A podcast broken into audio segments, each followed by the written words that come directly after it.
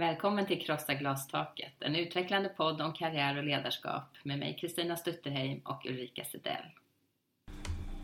Vi är 9,6 miljoner svenskar, lika många kvinnor som män. Kvinnor står för hela 64 procent av alla högskoleexamina, men bara för 42 procent av det som är arbete. Det är bara 37 procent av alla chefer som är kvinnor. I Sverige är 25 procent av alla egenföretagare kvinnor. Bara 20% av alla professorer är kvinnor och bara 12% av alla VD-positioner innehas av kvinnor. Det ska vi förändra. Just swerve around slowly, you'll find an opening. Vi gör som Nobelkommittén idag. Vi hämtar vår vinnare från musikens värld, Arne Brun och The Opening. Lyssna på den, min favoritlåt. Eh, här känner man verkligen musikens kraft. Hur en sorgesam låt är perfekt att lyssna på när man faktiskt är lite sorgesam själv. För mig blir jag, jag blir alltid stärkt av den här fast den på något sätt är så sorglig. Eh, nu hoppas vi ju inte att ni är sorgesamma där ute, men lite mer kraft kan vi alltid behöva. Mm. Och det hoppas vi att dagens avsnitt, det femte av Krossa glastaket, ska ge er. För visst är det så Ulrika, att i dessa dagar kanske vi behöver lite extra kraft och känslan mm. av att there is an opening. Det behöver vi verkligen. Och vi behöver resa oss ur den här kanske lite sorgsamma mm. känslan. Och Precis. ha kraft att åstadkomma någonting. Ja. Och en av mina favoriter, kanske också din Ulrika, Leonard Cohen, har ju just gått bort. Han har liknande textrader som eh, Arne Brun. There's a crack in everything, that's where the light gets in. Mm. Så att eh, den tycker jag också att ni ska lyssna på. Eh, börjar bli värsta musikpodden. Det börjar bli värsta musikpodden här, men det är härligt. eh, men allvarligt talat, vi vill leta efter the opening och efter the crack in the mm. light, förstås. Eh, så Ulrika, vad ska vi prata om idag? Mm. Ja, vi tyckte att det var bra att prata om det här motståndet som man möter vid förändring. Och när man eh, går utanför normen eller bryter mot mönster så det, det väcker ju känslor och det blir ett motstånd. Och hur hanterar man då det här motståndet? Mm. Det tänkte vi lite prata om. Mm. Och sen ska vi eh, intervjua en fantastisk ledare Eh, Kristina eh, Bolmekyn som har varit ordförande för eh, Läkare Utan Gränser och eh, mycket annat. Det ska vi berätta mm. mer om. Fantastisk person första mm. gången jag träffade henne. Mm. Och hon, eller inte hon, men sen så ska vi ju ha en lyssnarfråga mm. eh, till, eh, vi har valt en fråga från de som har skrivit in till karriär och sen ska vi ge lite tips. Ja, så är det. Mm. När vi sågs, du och jag, och när vi hörde senast kan man säga, var det ju valnatt. Och det gick ju inte som, riktigt som vi, Nej. eller majoriteten faktiskt av de som röstade i USA ville. Nej, och majoriteten i Europa mm, kan vi nog lugnt Absolut. Inte bara förblev glastaket väldigt intakt, ingen mm. första kvinna som president. Men det är nog inte heller någon underdrift att säga att med the president elect Mr Trump så lär det här glastaket bli än svårare att krossa. Mm. Ingen framgång direkt för liksom genderfrågan när man tittar på dem han har börjat samla omkring sig. Eller hur? Majoriteten vita äldre män. Mm. Och det är, jag tycker också att det är väldigt läskigt med den här normaliseringen kring honom nu. Att man säger att han är, det är inte så farligt. Mm. Han har överdrev under, under den här tiden som kampanjen var. Det där tror inte jag ett dugg på. Inte jag heller. Det var en fantastisk artikel idag och just i stunden glömmer jag bort namnet. Men det var en kvinna som skrev eh, och hela hennes utgångspunkt var förstås eh, att den Trump ni ser, det är den Trump ni ser. Mm. Det här är precis så här illa är det. Mm. Eh, helt men, klart. Men vi får inte deppa ihop nu. Nej. Nu måste vi hämta kraft Precis göra det vi kan göra. Ja, men det som är spännande att titta på just är det där att det handlar inte bara om att det är han eh, politiskt inkorrekt genom att mest ha män runt omkring sig utan det här handlar ju också faktiskt om att ta kompetenta beslut. Mm. Att ha en jämställd eh, grupp omkring sig mm. oavsett om man är president eller eh, VD på ett företag eller i en arbetsgrupp och, mm. och så vidare. Mm. Eh, sånt här kan ju du mycket om Ulrika. Hur tänker du kring det här med mm. Alltså det är ju det här med att man ska ha möjlighet till påverkan både i sitt liv och sitt arbete och samhället oavsett kön. Det är naturligtvis en rättvisefråga. Men det är också en affärskritisk fråga Mm. när man pratar om ledningsstrukturer. Det finns studie efter studie som kommer nu, både svenska och internationella, som visar på att du har en både högre innovationstakt, du har en högre eh, avkastning, det vill säga ett bättre resultat, när det finns både kvinnor och män i ledningsstrukturerna. Men sen är det ju inte så enkelt såklart. Det går ju inte bara flytta ut några Anders, för det är det de flesta heter. Och det går inte heller bara flytta in några Anna, för det är Mm. så de heter, de flesta kvinnorna. Utan vad det handlar om är att göra en genusanalys utav sin organisationskultur. Mm. För problemet sitter ju i kulturen och i strukturen Mm. Och inte på enskilda individer. Och det gör ju det här ämnet ibland ganska komplicerat att prata om. Mm. Därför att det väcker så mycket olustkänslor. Att Mm. prata om glastak och prata om, om genderfrågor. Eh, och, eh, det finns ju en kvinna som är otroligt skicklig på detta. Mm. Hon heter Anna Wahl. Mm. Och hon är professor i genusvetenskap. Eh, hon kommer från Handels, det var där hon började forska. Eh, men numera är hon på KTH och har inriktning mot organisation och ledarskap.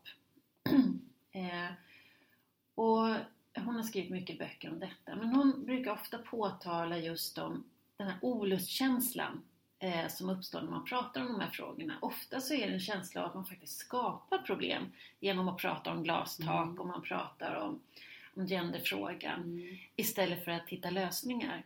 Eh, så det är en utmaning. Mm. Att folk, man kan uppleva att det bara förstärker problematiken. Och det andra är att, eh, oj vad det plingar. Eh, det andra är att eh, män kan känna en skuld bara för att de råkar vara killar och födda till män. Så bär de automatiskt ett ansvar och en skuld i detta. Eh, och det är ju naturligtvis en utmaning. Eh, att för det, det är ju inte så att man bär en skuld bara för att man är född till ett visst kön. Men att det blir en problematik när man pratar om en struktur och kulturfråga Mm. som plötsligt blir en individfråga. Mm. Medan då kvinnor å andra sidan, de kan känna att eh, de blir stigmatiserade, de blir, eh, de blir eh, infackade i ett hörn av människor som är B-laget, de som eh, är offer, de, eh, de är sämre. Och väldigt många då kan uppleva känslan av att det där gänget inte jag, vill inte jag tillhöra. Jag är definitivt inte en utav dem. Jag är kompetent, jag är driven, jag är autonom. Jag tillhör inte det här offerkofta-gänget. Och, eh, och det kan då resultera i att man tar avstånd från den här frågan. Det finns inga glastak kan man säga och det finns inget eh, könsperspektiv i organisationen. Eh, och det, en ytterligare utmaning är att man kan också få en, o, en stark känsla av eh, vanmakt. Det spelar ingen roll vad jag gör. Eh, men det är faktiskt inte sant. För det är ju både kvinnor och män bär ju upp de här strukturerna i sitt handlingsmönster. Men det här är ingen individfråga. Det här handlar inte om väsenet kvinnan, väsenet man, utan det här handlar om eh, kollektiva kulturer och strukturer. Eh, och precis på samma sätt som man kan upp, bära upp det här mönstret och gestalta det tillsammans så kan man också gestalta någonting annat. Och man kan börja bryta det här mönstret Mm. och bete sig på ett annat sätt och man kan visa på det här. Och då visar då studierna, när man visar på de här mönstren i organisationer och blir medveten om dem, det är då man kan börja jobba med dem. Och det är då det blir skillnad i både innovationstakten och, och omsättning och, och avkastning. Och det blir då eh, fler kvinnor och män på ledande befattningar. Det är fantastiskt. Så här Mm. handlar det verkligen om, du sa inledningsvis att vi ska prata om motstånd. Eh, Mm. att vi faktiskt orkar och vågar och fortsätter och lyfter och pratar om de här Exakt. frågorna. Exakt, och visa på också att det är kultur och struktur Mm. vi pratar om och Mm. synliggöra det genom exempel. Mm. Och genom att vi ändrar vårt både killar och tjejer, Mm. ändrar vårt beteende Mm. så kan vi då komma ur det här. Och tyvärr då så har det här befästs snarare i valet i USA. Just säga, med tanke på de Mm. man väljer nu att ha omkring sig. Verkligen. Jag tänker det som du har beskrivit och satt ord på här har rätt mycket att göra med det jag vet att du har spanat lite kring den här veckan. Mm. Det har ju varit någonting som har blivit väldigt omskrivet. Mm. Eh, har du lust att berätta vad det kan vara? Det var någon liten akut. En liten akut, Ja. mansplaining-akuten, Ja. eh, som Unionen har eh, lanserat. Mm. Det är några veckor sedan. Mm. Där eh, det är ett antal personer som har drivit de här frågorna eller eh, människor som har varit engagerade i de här frågorna som då sitter i en växel och svarar i telefon på de som faktiskt har varit utsatta, Mm. var tanken då, Mm. eh, av härskartekniker Mm. och få ringa och få råd och stöd i det. Men det har ju blivit ett liv. Det har blivit ett väldigt liv. Ja, vad tänker du kring det? Ja, jag tycker det har varit jätteintressant för jag tyckte ju att det här var ett jättebra initiativ. Mm. Eh, och just när, och allt ifrån när jag läste om vad deras tanke var med det för män och kvinnor Mm. och jag tyckte att de just lyfter ett, ett fenomen, alltså de pratar om det just utifrån det som du nämnde, det är strukturer och så vidare. Eh, så jag tyckte det var jättebra och det har jag också skrivit om eh, på Facebook och så men mm, jag har mött och vi har ju läst jättemycket om att alla andra tyckte inte att Nej. det här var så himla Nej. bra. Och apropå vad du just beskrev lite grann, vilka mekanismer är det här egentligen som gör att faktiskt en del tycker att det här var inget bra alls? Nej men det är ju att eh, det finns män då som känner sig anklagade och att de, jag vet inte om de känner skuld, men att de känner att de ska behöva känna skuld för det här, eh, eh, det här kulturella fenomenet då. Eh, och och vad, vad som hände är ju att det är en väldig massa killar som har reagerat. Mm. Så nu läste jag idag i en artikel eh, där man har gjort en liten analys över vilka som har ringt då på de här samtalen och då visade det sig att majoriteten var ju killar Mm. som har ringt och berättat om vilken dålig idé det här är och hur man skulle göra istället och vad, vad eh, har kommit med egna förslag på. Eh, ja, de har kommit och berättat hela tiden. Så de, alltså, de har mansplainat hur mansplainingsakuten borde göra? Ja, Ah. Det är humor. Det är faktiskt humor. Den går oss inte förbi. Men som sagt, det, Mm. det, vi- men det visar ju också hur Mm. otroligt svårt eh, det här är. Mm. Och att hålla isär de här processerna, individprocessen Mm. och att det är kultur och strukturprocessen. Mm. Ja, som gör också, och det är det jag tror att det gör att många gånger att det blir fel när man diskuterar det. Att många, ja, man känner sig anklagad eller man känner sig, får en etikett på sig. Mm. Så det såg vi resultatet. Mm. Men det var ju också, tror jag, läste att det fanns några män som hade ringt som faktiskt ville eh, lära sig. Mm. Eh, vad, vad, vad kan jag göra och hur ser jag det här och så. Eh, ja, jag tycker det var ett bra initiativ och kanske mer sånt här för att lyfta, lyfta frågor. Och jag hoppas, apropå att hantera motstånd, jag hoppas verkligen att unionen inte backar ur nu. mm. Utan att de bara ser att det här är svårt och komplext. Mm. Eh, men också hur viktig den är. Mm. För när det skapas så här mycket engagemang eh, och så är det ju. När man, människor som ger kritik och människor som ger beröm det berättar ju någonting om den som ger. Den som ger kritiken. Och Mm. det är det man behöver Mm. eh, titta på och se vad kan vi göra. Mm. Ja men så hoppas att de, att de fortsätter, att de hittar nya, Mm. alltså, kanske inte, för det här var väl en, en tidsbegränsad sak, Mm. men hur tar, man, hur tar de den här frågan vidare? Eh, det kommer vi fortsätta att ha span på. Mm. Bra unionen säga. Ja, det tycker vi verkligen. Eh, härligt. Nu ska vi över till något helt annat. Ja. Mm. Vi ska ju träffa Kristina Bolmekyn. Mm. Eh, en oerhört värderingsstyrd, modig kvinna eh, som har nått toppen i en eh, fantastisk organisation som heter Läkare Utan Gränser där hon var ordförande Mm. och Glastak. Mm.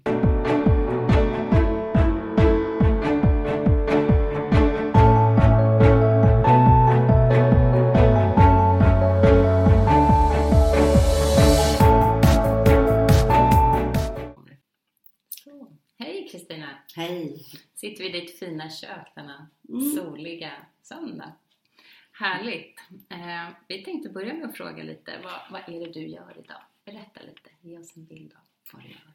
Idag jobbar jag återigen som eh, sjuksköterska skulle man kunna säga samtidigt som, nej men det gör man man jobbar ju aldrig återigen som någonting utan man gör ju någonting och vidareutvecklar det.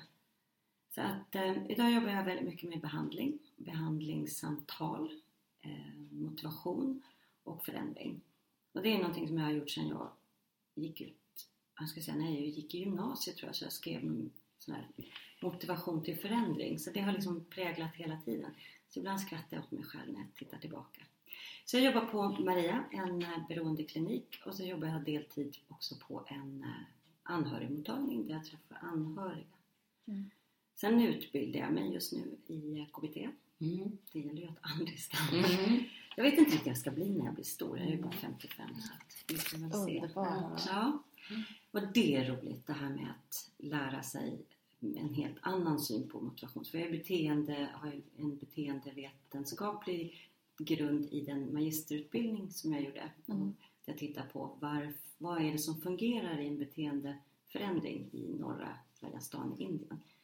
De här kvinnorna som fick så oerhört bra effekt på deras arbete på, liksom på marknivå när de gick runt och fick kvinnor att ändra beteende. Och jag vet inte om ni vet det här där kvinnor aborterar bort sina Mm. kvinnor, alltså Mm. flickfostrarna och Mm. att eh, får man en flicka så får hon sämre vård. Mm. Eh, Man, har man pengar till ett så är det bara pojken som får mjölk och det är bara och så vidare.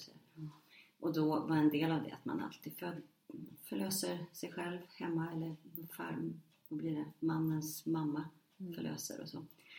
Och där har de gjort en liten fotstegs eller fotrevolution och ändrat på det. Och då tittar jag på vad är det som gör att de lyckades när IMF och WHO och alla Mm, vi stora organisationer som, nu var inte Läkare Utan Gränser där, men sådana, Mm. var det? Så det. Och nu lägger jag till då den psykologiska biten. Mm. Mm. Åh, vad häftigt! Ja. När, är du- när är du klar? Till sommaren. Mm. Jätteroligt. Mm. Wow! Härligt. Och det är som lyx att plugga när man Mm. är i den här åldern. Mm. Nej, så, jaha, det var det som var. Just Just det. det var, ja, nu förstår jag varför det hände. Så Mm. När teorin Ja. kopplas till verkligheten. Mm. Verkligen. Mm. I de här olika rollerna eller uppdragen då, som du håller på med, eh, har du tagit något beslut eller flera beslut senaste veckan som har varit sådär extra lustfyllda? Nu fick du mig på senaste veckan. Ja, du får förlänga den tiden lite om du vill något sånt här. Ja, jag förstår att du Mm. i mitt yrkesliv, Mm. ja, alltså det gör man ju dagligen. Så är det ju. Och sen tänker man så här, ja men det där var väl inget beslut, det bara kom ju. Mm. Och Eftersom jag inte idag jobbar med, un, alltså, med ledarskap på det sättet att jag har anställda under mig så är det lätt att, nej inte tar jag några beslut. Mm.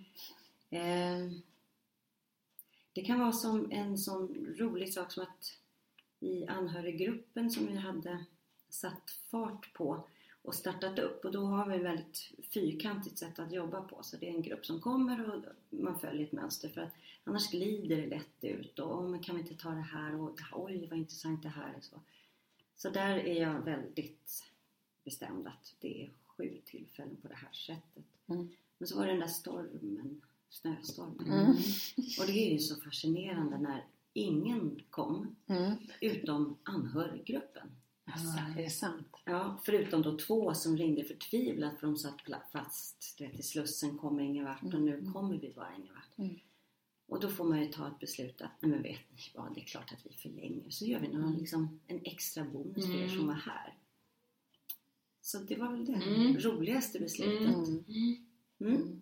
Det är häftigt när det blir sådana här situationer som ingen kan förutse när det bara händer som snöstormen Ja, och, och folk börjar prata med varandra på ett annat sätt man gör helt nya saker Ja. man, Det är, det är jätteläckert vad det gör med människan. Mm.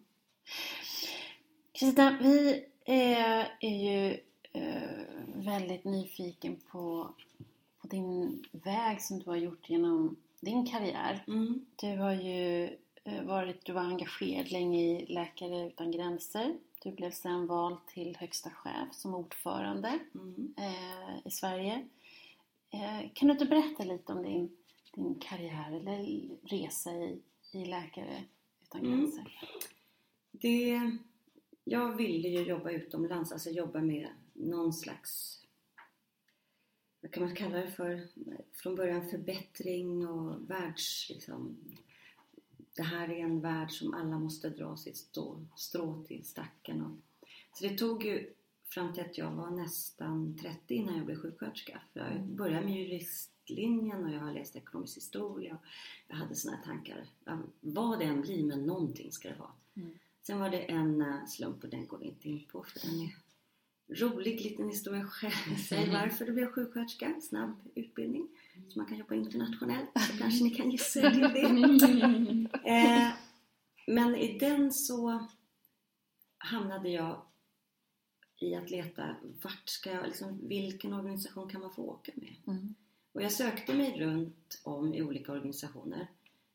Jag sökte Sida, Röda Korset, olika som var intresserade. Och ingen utav dem tillät att man kom om man inte hade tidigare erfarenhet Mm. utomlands. Och det var så här, som flera har beskrivit, moment 22, hur gör man då? Mm. Och så fanns den här lilla uppstickarorganisationen Läkare Utan Gränser med Johan von Schreeb som beskrev hur de illegalt tog sig över Afghanistans gräns och Mm. led på mulåsnor och jag tänkte, men det är ju inte jag. Jag är ju inte modig alltså. inte ett dugg. Så att det gick några år tills de mognade till sig. Så blev... Och sen sökte jag dit. Och så kom jag ut med mitt första uppdrag. Och där ute insåg jag att det här, att vara en, en sån då var det, nu är det här en väldigt etablerad organisation. Men då var det ju en ganska liten, nyfiken, helt liksom, ja vi prövar oss fram organisation. Lite startups-känsla. Ja, och det visste ju inte jag någonting att det var. Så jag hamnade och sa, ja men gör lite grann som du tycker. Eller, du får väl leta dig fram. Och det var så här att jag fick utmaningar som jag inte ens trodde var möjliga att klara sig igenom. Och det växer man utav. Mm. Fruktansvärt. Man växer och det gör ont. Man växer och jag gick delvis lite sönder för det gör, det gör man ju när nöden är så stor och det lilla vi kan göra är litet. Men jag hittade också en kärna i att det finns möjligheter att göra någonting om man verkligen, verkligen kämpar. Men man kan inte göra det själv. Så man behöver ju få, få till andra människor och så.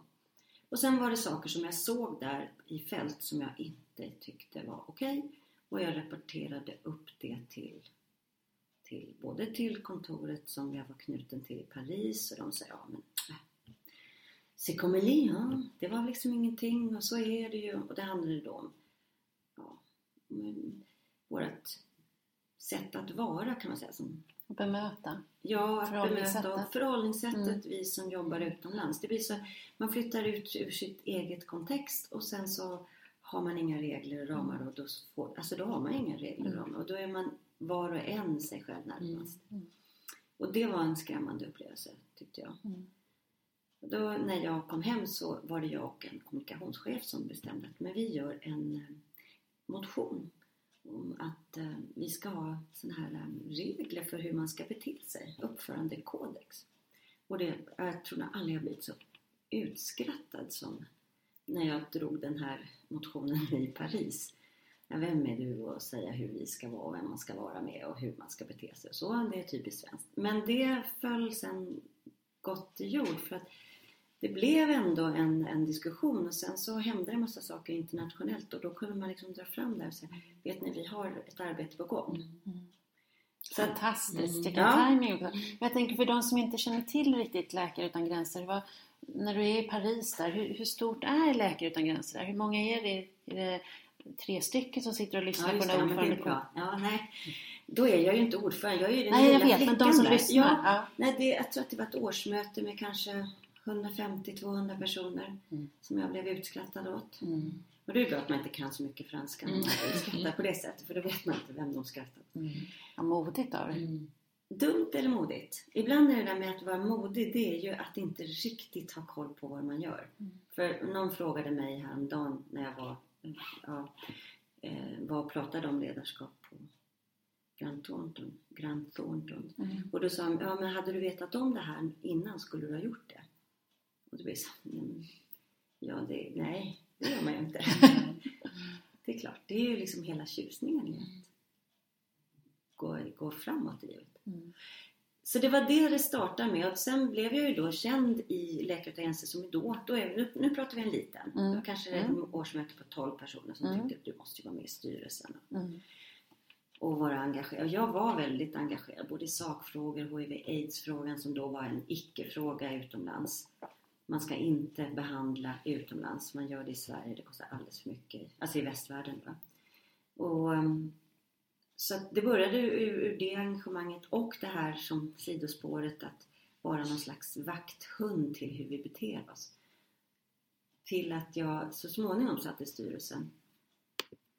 Och efter mitt, först, mitt nästa uppdrag ihop med den lilla nya familjen jag hade kom hem, gjorde min och då jobbade jag med att införa mediciner i u-land, alltså i, i Nairobi, Kenya så hade vi ett projekt att vi ville visa världen att man kan faktiskt behandla HIV-smittade som bor i slummen och är jättefattiga och kanske inte har koll på tid och klocka.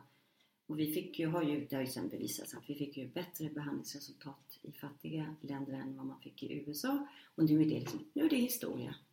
Så jag har varit med om också att, att ja, lobba för det i svenska riksdagen och för ja, Sveriges ambassadör för HIV-AIDS-frågor, internationella frågor. Så det, jag blev ju med det jag hade med mig ganska så snabbt inriktad på en fråga. Så jag har väl aldrig egentligen tänkt att jag, men med min enkla fråga skulle väl inte jag bli ordförande, för den är så mycket större den. Men sen så blev jag tillfrågad om jag inte kunde tänka mig ändå. Och det, det är ju ett stort, för nu har ju vi gått från 12 då när jag var med i början där till årsmöten med 150 pers i Sverige också. Och Läkarutredningens internationellt har ju då blivit en, en stor, stabil, inte stabil, men en stor organisation att Mm. räkna med. Mm. Men igen så visste jag väl inte om att det var så stort som det var. Mm. Så att eh, därför så kastade jag mig väl in i det och så hade jag en jättestark, bra ledare på kansliet. En chef som, som jag kunde lita på jättemycket. Så därför kunde jag också säga så här, ja men jag har ju min bit och han, fransmannen, har ju sin bit. Så, där. så då var jag ordförande i fyra år under en turbulent tid internationellt. För då skulle vi se hur vi kunde arbeta med den internationella och sammanhållningen som hade bara växt och vi hade tänkt på det. Så var jag så här, ja, vill du vara med och, och jobba på hur vi organiserar om hela Läkare utan gränser internationellt? Och jag sa, ja det måste man väl, om har man, liksom, har man gjort det måste man göra det, alltså då gör jag väl det. Så det här har jag nog gjort mycket i mitt liv. Jag har nog aldrig tänkt att det är klart att det är jag som är rätt kvinna på rätt plats. Men det är klart att jag var. Det är klart att du var. Ja, såklart att jag var en utav dem. För att, och att jag blev tillfrågad förstår jag sen efteråt. Ja, men det här är en människa som står ut och gör saker även om det är läskigt. Mm. Även om hon blir, ja, kanske obekväm. Det var ju inte så att ingen visste om det. Och att hon har sakkunskap i vissa saker och har en magister och, så vidare så där, i, i internationell hälsa. Hon verkar kunna. Mm. Så då var jag en del i en 12 personer var det som gjorde om en omorganisation utav den stora internationella organisationen. Vi kom ju inte så långt som man hoppas, för det gör man aldrig. Men vi kom jättelångt och där sitter ju en, en del utav den sitter nu. Mm. Och ingen tänker på att det har varit något arbete i det. Men vilken fantastisk väg du beskriver. Jag tänker allt ifrån uppförandekoden där du står i Paris och, och hiv-medicinen och, och sen, alltså det låter ju som, det jag hör är ju en kvinna som drivs av kompetens men också av min tolkning också en ilska av att nu får fasiken vara nog. Nu, det här är viktigt. Nu slutar vi tjafsa. Nu ska vi göra det här. Mm. Det är det jag hör. Är det så? Ja, men jag tycker du hör bra. För jag har ibland tänkt så här, varför har jag slag, alltså, stått upp så mycket och, och framförallt när jag klev av i ordförandeskapet så var jag i och för sig trött eftersom det är ett, ganska så, var ett tufft uppdrag. Det var ju halvtidsarvoderat och det var ju mer än en heltidstjänst och jag jobbade dessutom som sjuksköterska vid sidan om för att få ihop pengar. Mm. Man ska ju betala sin... Ja, det, Ja. Mm. Mm. Det förstod ni. Ja, och så hade jag barn och man och hela den där biten. Så att allting skulle ju... Det är det där med att man får inte ihop livspusslet som det heter. Nu tycker jag att livspussel vad jag håller på med nu. Det var ju inget pussel. Det var ju en omöjlig ekvation då. Eh, Men utöver det så har jag tänkt så här, varför är det så... För jag hittar... Jag, jag brinner ju, eller tycker jag har ju åsikter. Så här, med jättemycket åsikter. Men inget som liksom pang slår till. Mm. Och HIV var, var ju en sån Mm. själafråga vad det gäller rättvisa och det får bara inte vara möjligt. Mm. Jag jobbade ju i Sverige med HIV-sjuka innan mediciner fanns och var med i den revolutionen när sen Mm. det kom mediciner. Och sen komma till Afrika och se att nej, jaha, nu har vi andra klassens eller 40 klassens medborgare. För här gäller inte samma hederskodex som det gör i väst. Så jag tror jag har rätt i det. Det är en ilska Mm. som jag måste hitta nu igen bara. Mm. Ja, Men är det därför jag tänker du sa det här med att du inte var modig och sam- samtidigt så har du gjort då mycket som verkar väldigt modigt. Är det då den här ilskan och engagemanget som ändå driver fram det här Ja, det är det. ja det, Mm. det måste finnas en, en, en riktning och en självklar, det här är viktigt. Mm. Då, då står jag där igen. Så är det. Om du skulle sammanfatta dina år med din erfarenhet då i, i Läkare Utan Gränser. Vad är, vad är de viktigaste lärdomarna som du fick med dig i, i livet? Oj. Går det att säga så egentligen? Mm. Jag tänker att det finns mycket, men just det som jag sa i början där att, att det är viktigt att våga göra saker som man inte riktigt vet om man klarar av. Mm. Och att eh, våga, att det är så kliché men det är ändå sant det här med att våga stå kvar lite längre än vad det är bekvämt. Mm. Och, och alltså, jag vill inte säga pusha sig själv för samtidigt så vet jag att man kan gå sönder. Men att, jo, men kanske att stå kvar lite längre och ta ett steg till fastän det känns jobbigt. Mm. Att variera sin egen ångest när det blir motstånd. Att Ja, vågar stå kvar och stå Våga ut. stå kvar och stå Mm. ut. Och ändå veta när man ska gå. För jag fick ett, när jag, jag hade en, en period i styrelsearbetet i Sverige där det var jättetufft. Och då gick jag och fick coachhjälp. Och då sa hon så här, men kära någon, du ska ha klackar på dig och så ska du ha en kavaj. Och så går du bara in och, och gör. Liksom. Och så svarar du aldrig upp emot, gå inte in i någon maktkamp. Ja, men vadå, jag har inga maktkamper. Jo, det har du visst det. Mm. Du håller på att förklara dig hela tiden. Lägg ner det. Du ska inte berätta. Alltså du, man, minimalt. Och det kör jag väldigt mycket med mina anhörigpatienter också. Mm. Behöver inte berätta en massa saker. Om man ställer en fråga kan man säga ja eller nej och man kan berätta två meningar, inte mer. Så Mm. det är väl också en sån. Mm. Folk vill inte veta allt bakom för då tror de att du är osäker. Så jag tror en sån Mm. sak har jag Ja. fått med mig. Att vara trygg även om som du säger härbärgera det där. Jag vet inte om det bär. Mm. Men eftersom jag gör det så är det, ja just det, då bär det. Mm. Att göra ibland istället för att tänka efter tusen tankar och kanske, utan gör det. Och sen så får man väl backa då sen. Mm. Och hon sa också det. Har du gjort det och sen måste du veta, när går du? När är gränsen nådd? Mm. Och då går man. Den är bra. Den är superbra. Mm. Och det är, ju- jag tänker också det du säger att man behöver inte säga så mycket, man behöver inte förklara. Det handlar ju också om integritet. Ja. Att behålla sin integritet. Man typ behöver inte öppna upp och ge all sin osäkerhet eller sina tankar. Utan bara, mm, så här tycker jag. att Det här, det här är det vi ska göra. Det här är adekvat. Mm. Det är jättebra. Mm. Vad har du fått eh, med dig och vad, vad har du för bild på det här med ledarskap utifrån att ha verkat då i en internationell organisation och det du ser här i Sverige? Mm. Vad- Alltså det har ju varit jättespännande. Mm. eh, att vara svensk kvinna i en fransk organisation. Och, och, och då har ju många av mina fördomar som jag inte ens hade tänkt blivit sådär besannade och andra har helt fallit på sidan. eh, jag har ju suttit i diskussioner eh, med liksom, i, just, kanske just, om man tar den här när vi gjorde omorganisering där vi tyckte olika trodde jag och vi bråkade och jag bråkar ju väldigt lite för att vara jag i de här situationerna för jag tyckte de var så fantastiska de här människorna, män, många. Men eh, jag insåg att där bråkar man sakfråga men inte så mycket positionsfråga. Mm. Så att det, det fick jag ju lära mig att det var bara att öppna munnen och säga som jag sa och sen gick vi ut och, och käkade middag och skrattade jättekul. Mm. Här i Sverige har jag många gånger varit med om att man tar med sig den, vad jag trodde var en sakfråga utanför och sen är det positionering som gäller. Mm. Och den, den gör ont. Mm. Och då blir man ju en person i ledarskapet istället för en mm. ledare mm. med en person bakom. Det går liksom inte riktigt att, uh, ja, att, att skilja på dem och den är jobbigare. Mm. Kanske... Jag vet inte om jag blev tydlig men jag, jag, tänker också, det finns ju många studier som visar att, att kvinnor i mycket högre grad blir bedömda, som ledare pratar man nu, mm. i sin professionella roll, blir bedömda för vem man är, utifrån vem man är. Mm. Och inte det man gör eller det man åstadkommer. Och att man får mycket mera, alltså andra ser en i sina glasögon på personen. Mm. Och hur svårt det kan vara att hantera. Mm. Det är inte det som är centralt när man sitter där. Det är inte vem jag är, det är det jag ska åstadkomma. Mm.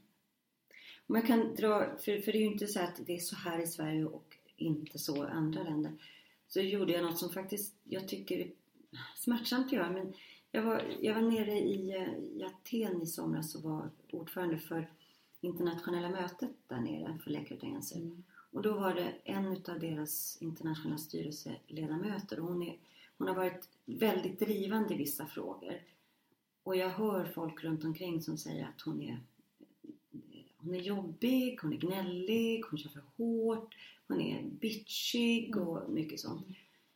Eh, så då till slut och sen och vid slutet av mötet så gick jag fram till henne och sa att Får jag prata med dig? Ja fast om du ska prata, skälla ut mig så vill jag inte att andra hör. Alltså, men jag ska inte skälla ut dig. Ja. Och det, då blir man ju jätteledsen. Mm. Så förklarar jag att jag tycker i sak att du gör, alltså din sakfråga är jag ju bakom. Ja, för du och jag har ju jobbat för det här jättemycket. Ja, och så hör jag jättemycket att folk runt omkring är på dig för den du är och det sättet du framför det. Finns det möjlighet för dig att backa som person och låta någon annan bära saken? Och sen sitta och hämta in det istället och vara lite mindre på. För att jag är ledsen att säga det, men jag tror att det att du är kvinna också gör att det, mm. det är liksom som en någonting som folk blir arga på. Mm. Och då börjar hon gråta. Det här är en stark, driven kvinna som har jobbat med internationellt arbete mycket. Som bara, du har så rätt. Men jag vill ju inte att det ska vara så. Nej. Mm. Men om det nu är så, vad är, vad är viktigast i den här frågan? Så då måste vi kanske vara tillsammans och då var det någon som överhörde det och sen kom det fler och fler från det här mötet och sa vi vill också ha med i det här nätverket. Så att eh, det här är ju något som bara finns överallt. Mm. Och jag tror att om man någon gång börjar yppa, och det kanske är idag det som jag har med mig, att våga säga det till kvinnliga ledare. Mm. Det här ser jag också. Mm. Det blir så här, åh, axlarna åker ner och de blir mm. överlyckliga. Så mm. Såg du det? Så det är inte bara något jag upplever. Exakt. Nej. Mm. Så uppfattar jag också. Och det smärtar ju mig att behöva liksom vara den som är budskap, mm. alltså budbärare av det. Men vad mycket gott du gör genom att göra det. Jag tror verkligen att det var det som var mitt stora uppdrag där nere mm. fast de inte trodde att det var det mm. Mm. på mötet. Och att jag intervjuade den sittande ordförande som ville igen upp och så i den intervjun så var det fler som sa men du var inte tillräckligt hård. Men ska vi vara hårda Jens? Mm. Alltså jag är inte ute efter att ta reda på sakfrågan. Mm. Ja, den fick du fram. Men... Mm. Mm. Jag tänker, du har ju varit eh, anställd, du har ju varit forskare, du har varit lärare på universitetet, du har varit ledare inom den här internationella eh, organisationen, du är sjuksköterska. Vad, när du tänker ledarskap, vad, är de, vad har du fått med dig i praktiken? Mm. Eh, vad är de viktigaste delarna som du har lärt eller tagit del av eller gestaltat? Alltså, då är vi igen i den här klichén, man måste kunna leda sig själv först. Mm, mm, Och den är ingen kliché utan den är så klockren. Att, eh, okej, nu fick jag, jag har fått uppdrag utav Läkare Utan Gränser i fält där jag inte alls var färdig för det. Och det har lärt mig massa saker. Då kan man ju också, alltså jag kan ju ha massa åsikter om att varför ska man skicka ut, alltså västerländska människor att lära sig ledarskap i Afrika, alltså stackars människor, räcker inte. Men det är det jag har med mig. Men annars tänker jag så här att många blir ledare innan de är färdiga med sig själva. Mm. Och då blir det som ett utanförskap. Och det märker jag att jag gjorde mitt första uppdrag var det väldigt mycket det. Jag liksom fick bära en alldeles för stor rock som man gick omkring och försökte leva upp till. Idag nu när jag läser till eh, KBT-terapeut och går egen terapi, vilket jag har gjort av och till ändå, och coaching och sånt, så är det just att få lära känna sig själv, mina egna gränser, veta var gör det ont? Nej men om det gör ont så stoppa lite innan det gör ont för annars blir det inget bra. Och veta också när behöver jag gå hem för att jag måste gå hem och sova. Och så, så när jag mår bra då mår ju alla andra bra. Det är ju, så, det är ju egentligen A och O. Det är som att vara mamma va? Det låter väldigt Ja. som mamma. Det var någon, någon som har sagt det att, att vara mamma är ju egentligen den först bästa ledarskapsutbildningen som finns. Mm. För där får man vara med från att de inte kan någonting till att de är självständiga och bryter sig loss. Och så ska ju en företag också vara, Mm. tänker jag, Mm. med sina medarbetare. Mm, verkligen. Ser du någon skillnad på ledarskapet nu på universitet i Sverige och i eh, Läkare Utan Gränser? Eller om ni, så har, har du sett att det mm, belönas ledarskap på olika sätt? Att det premieras olika eller man ser på ledarskap på olika sätt? Mm, det tycker jag. Alltså jag tycker att i, på universitetet så har jag ju haft, alltså där, där ledarskapet där är mer dolt och inte så framträdande tydliggjort. Åtminstone där jag jobbade i den institutionen. Det är inte, det är mer såhär, ja men vad tycker vi allihopa och så. så samtidigt så vet man ju att det finns en, en underström och man vet ungefär vart ledaren kanske troligtvis vill. Alltså ni förstår vad jag menar. Mm. Medan Läkare Utan Gränser är ju sprungen ur en akutorganisation och på, jag har jobbat på akuten på Södersjukhuset och det är jätteskönt när det går ett larm så vet alla sin plats och är det någon som inte gör det den ska göra då knuffar någon annan undan, inte av elakhet utan för nu, måste, nu är det liv och död. Och så jobbar ju Läkare Utan Gränser, vilket är jättebra i fält. Men så blir det ju jättetokigt när man tar med sig upp det i femårsstrategier och omorganiserar. Hur ska vi få eh, folk att stanna kvar från första uppdraget till sista uppdraget och så. Det kan man inte jobba på akut. Och det här ser jag att det skiftar. Och det behövs ju olika ledarskap beroende på var i organisationen man sitter och var organisationen är i sin eh, utveckling. Så, att säga. Mm. så att, ja, det är jättestor skillnad. Mm. Sen tänker jag också att olika ledare accepteras på olika sätt i olika miljöer. Ser du en funktions... kons- Alltså, vi i Sverige tycker att vi är så jättebra i ledarskap. Det har vi diskuterat mycket i Läkare Utan Gränser. För att vi har sån konsensus eh, det, värdegrund och Mm. man ska lyssna på alla. Vi anses ju vara helt vilse i pannan ute i fält. Där ska man ju ha någon som pekar med hela handen och som kan ta skit. Mm. Du gjorde fel. Mm. Jaha, bevisa då. Ja, men så här gjorde du fel. Okej, då gör vi på ett annat sätt. Så. Mm. Men den här liksom svenska, ja, men nu ska vi allihopa tänka till och, "Ah, men du gjorde fel, men det är vi alla är ansvariga för. Den duger liksom inte. Mm. Det blir jättemycket konflikter då. Så att ja, Mm. Det är skillnad. Vad mer har du sett av glastak då i din karriär? ja, det finns glastak överallt tycker jag. Mm. Det finns det ju väldigt mycket. Jag vet när vi pratade, jag drog den här eh, också då efter det här med uppförandekoden så har vi ihop med norska eh, medarbetare dragit upp, vi skulle vilja titta på genusfrågan inom organisationen Läkare Utan Gränser. Och då fick vi som svar att eh, vi behandlar alla patienter ute i fält. Eh, ja, nu var det liksom inte det vi pratade med genusfrågan genomsyrad hela organisationen. Eh, Jag förstår inte vad ni pratar om. Så utifrån, så det är den ena falangen där. Men vi Men så är medveten om det? Ja. Ehm, och sen så kan man ha att... Och, och sen när man börjar berätta det, jag tror att jag sa det till någon chef inom organisationen i Belgien att jag tyckte det var så himla skönt att hon var en... Att det fann- finns inte så många ordförande som var kvinnor. Det var väl en tror jag när jag var där av, av de som fanns. Och sen så var det hon var chef och så var det en chef på kontoret, internationella kontoret. Så det var det fyra kvinnor som jag kunde se, wow de här var. Så jag gick fram till henne och sa att jag är så glad för att det behövs, jag behöver verkligen ha förebild. Då tittade hon på mig och sa du, du anar inte hur många kvinnor jag har försökt lyfta upp. Men de väljer ju bara familj och något annat liv. Så det ska du veta. Är det det du är ute efter? Så jag inte dugg intresserad. Oj. Oj, tänkte jag. Okej, vi kanske ska börja förklara vad genusfråga är och det här med gender. Mm. Så att eh, ja, glastak finns ju även där. Mm. Kom inte att försöka rida på mig för jag har slagits på mäns villkor Mm. och jag tänker inte låta någon annan liksom. Eller jag tänker inte ens diskutera det. Så Mm. tycker jag. Mm. Sen har jag ju mött också allt ifrån att vara sjuksköterska som ehm, ja, att, ja, kan du få din chef att komma in och berätta och prata Mm. för att det är inte så. Du kan väl inte vara den som bestämmer? Och sen kan man vända på det när, när min pappa som är läkare fick höra från eh, en för detta medarbetare till honom, vet du vad, Anders Nordström som sa Jag har träffat din dotter och hon är väldigt kompetent och roligt att hon går i samma fotspår som du.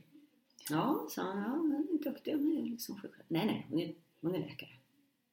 Nej, alltså min dotter är inte läkare, hon är sjuksköterska. Nej, men hon pratar ju som en läkare. Mm. Oj. Så att eh, det är väl också sådär att, apropå att man måste en, vara på ett visst sätt. Man kan inte vara... Ja. Så glastaket är subtilt Mm, många gånger. mm. Och jag har... Ja, just det där när jag gick till coachen så det är bara att sätta på sig klackar och, och Mm. bete dig som en man. sa Mm. hon. Mm. Så, och det, jag prövade vad hon sa och det funkar ju till viss del. Mm. Till viss del. Sen är det stopp. Vad är dina bästa tips för till de som vill eh, tänka karriär och vill eh, få syn på de här eller krossa dem eller runda dem? Så jag tänker att, att man ska ut... Jag har ju försökt att göra, eller inte försökt, jag har ju verkligen kämpat för att visa och bevisa att man kan bli tagen på allvar. Och nu kommer det trots att jag är mamma, kvinna, som inte kommer från rätt... Eh, alltså jag är sjuksköterska istället för läkare när det gäller Läkare utan gränser och så mycket sånt där. Och mer och mer så tänker jag, men vad är det jag vill då? Mm. Vad vill jag göra? Mm. Om jag vill nu jobba med att leda enskilda människor att må bättre, är det inte okej? Vad, vad går livet ut på? Så att jag tänker att det är mitt råd, och det går kanske inte att ta till sig när man är på början av det, men jag tror en, av sin karriär, men jag tror ändå att det är viktigt att tänka, vad vill jag? Vad är kul? Vad får det att svänga? För jag hade aldrig klivit på rollen som läkare utan gränser om jag inte var sådär, det var en kittlande jätterolig sak. Eller när de sa vill du vara med, vill du åka till Kenya och starta upp ett projekt i slummen? Vi tänkte kombinera medicinsk vård. Jag, alltså, jag åker, nej, nej, det var liksom Mm. när lusten finns där. Mm. Det här är något jag brinner för. Mm. Men finns inte den och jag gör det för att visa andra eller jag tror att då gör man bara illa sig själv. Mm. Avslutningsvis då, Kristina, är det någonting som du vill meddela med dig av eller ge tips om? Vi, den här podden handlar ju om att sätta ljuset på glastaket, om ledarskap och vi, vi, träffar ju, vi vill ju lyfta fram förebilder som Mm. har Alltså jag tänker just det här med att när jag fick syn på vad det var jag var inne i, i just i det här arbetet med styrelsen när det, när det började knaka där. När jag gick till en kvinnlig mm. psykolog, coach, Mm. som satte ord på vad det var jag upplevde och att det inte handlade om att jag inte duger, att jag inte gjorde tillräckligt utan tvärtom, nu gör du för mycket. Stoppa där, gör så här, bete dig. Att, att, ja just det, just det, man kan bete sig så får man ett annat sätt. Att ta hjälp. Mm. Och um, det är så viktigt att ibland, man behöver inte hålla, en del säger så här, men ska ni hålla på och tjata om att det finns ett glastak, att det är stopp där och att för att jag är kvinna plus 55 och så, ja det är viktigt att säga för annars så vågar jag inte. Okej, trots att jag är kvinna, trots att jag är 55 plus, så tänker jag, så är det. Mm. Och tack vare att jag är som jag är, så kommer jag. Men om jag inte får sagt det så, så går det ändå gnager en känsla av Mm. att det är något fel Mm. någonstans och eftersom ingen annan säger någonting så tror jag att det är mig det är fel på.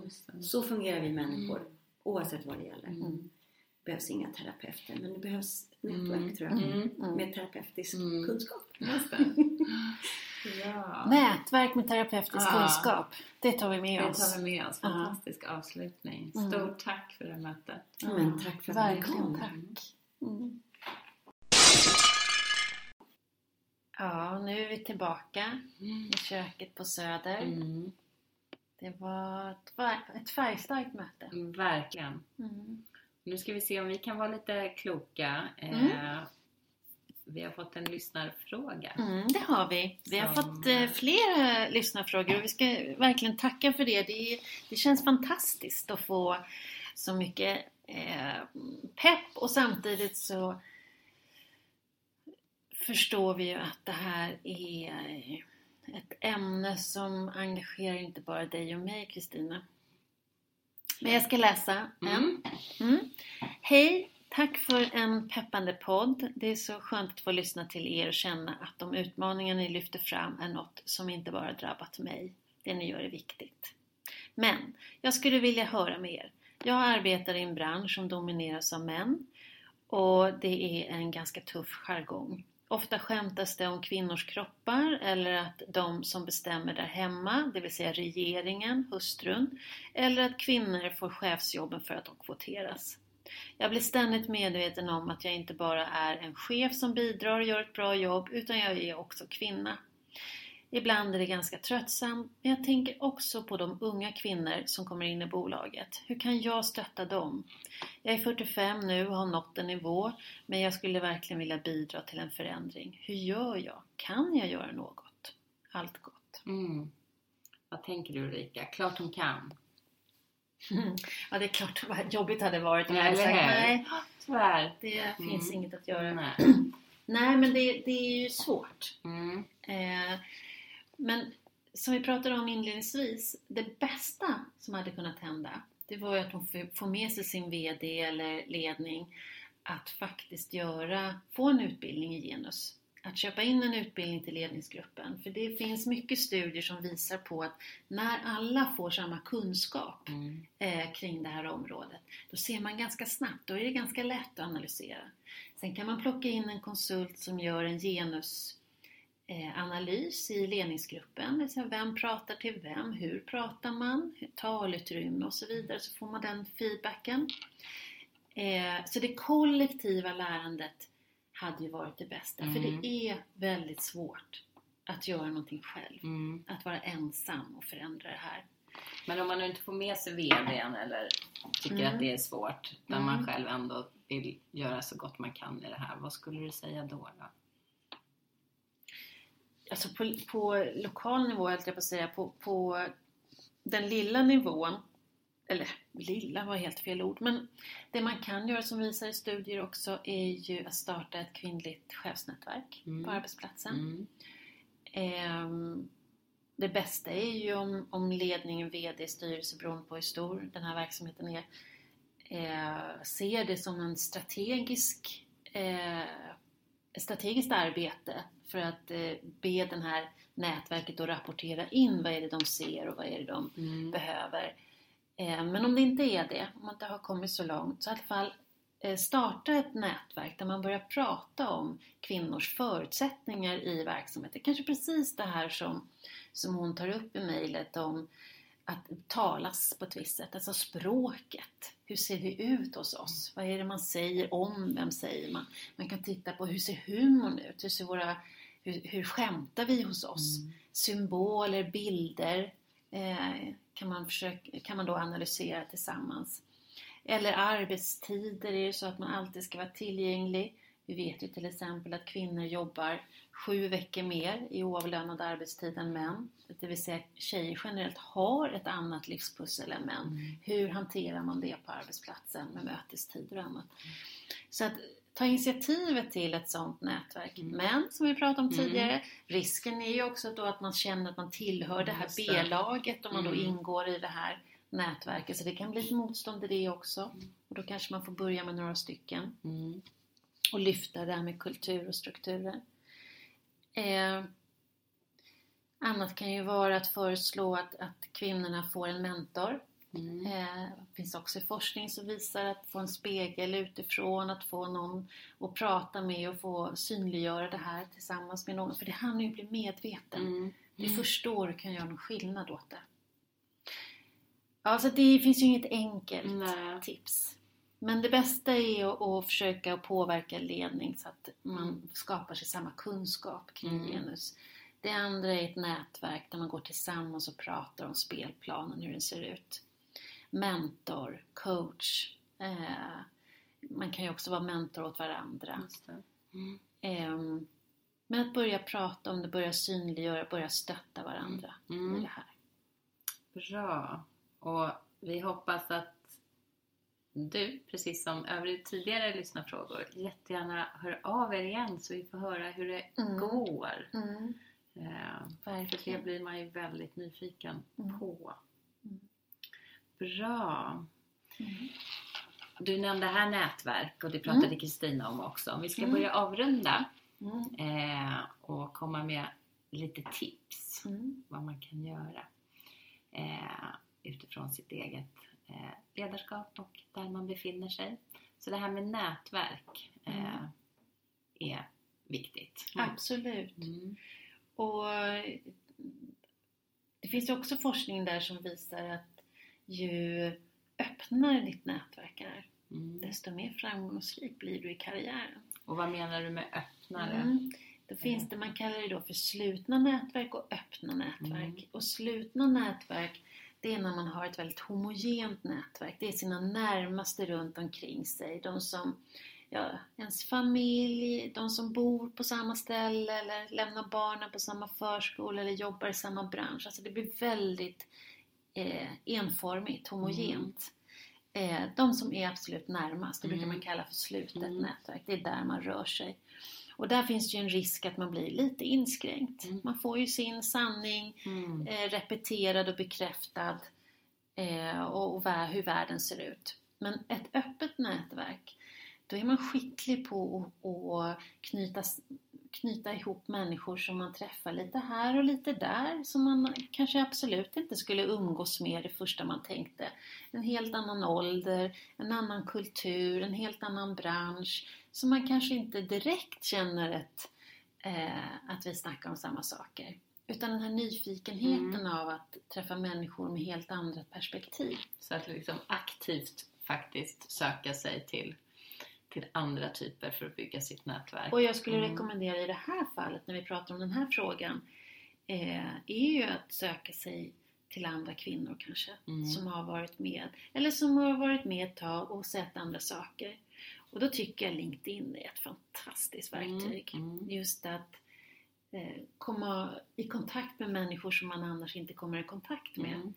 Att gå in, leta sig fram till en annan bransch, till en annan, ja, en annan eh, med andra erfaren- människor med andra erfarenheter. Så skicka iväg ett litet sms Mm. eh, om att eh, du jobbar med så roliga eller intressanta saker. Jag skulle verkligen vilja ses över en lunch. Jag bjuder gärna. Mm. Så det skulle jag Mm. uppmuntra till. Jättebra rekommendation och det tror jag både du och jag eh, både har varit med om och själva också eh, varit den som har bjudit in. Och Mm. Vi uppskattar när vi är med om det och vi eh, har märkt att de man hör av sig till uppskattar det också. Så var inte, var inte blyg här Mm. utan eh, Tvärtom. ta för er i Mm. nätverkandet. Mm. Jättebra. Sen en annan sak jag tänker på nu bara kort Mm. när vi pratar om det. Eh, och det påminde Ebba Lindsö mig och andra i samma veva som jag när jag skrev boken Bortom glastaket när vi hade någon träff med alla deltagarna där.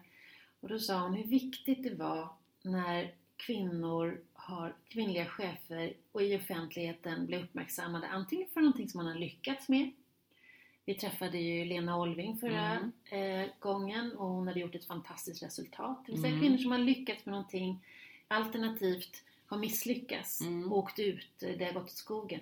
Hur viktigt det är, även om man inte känner varandra, att bara skicka iväg ett, ett litet meddelande på Facebook eller LinkedIn eller, eller vad man nu i, i något offentligt sammanhang. Bara säga att jag, det här gjorde du bra Mm. eller lycka till Mm. nu eller eh, puffa, peppa varandra. Verkligen. Eh, stark re- rekommendation. Och som sagt, idag är det så enkelt att göra det. Mm. Eh, så mer uppmuntran Mm. runt omkring oss. Sprid det.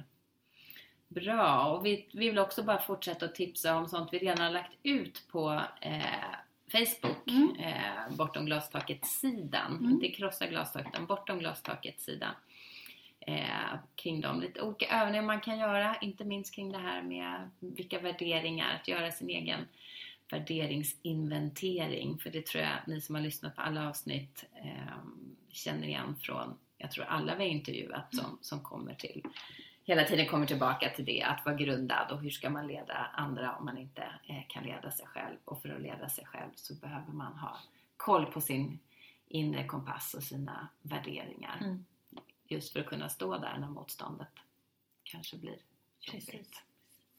Bra! Mm. Då tackar vi för idag Tack. och eh, kanske avsluta lite där vi började eh, med det fina ur Leonard Cohen-sången eh, om att There's a crack in everything, that's where the light gets in.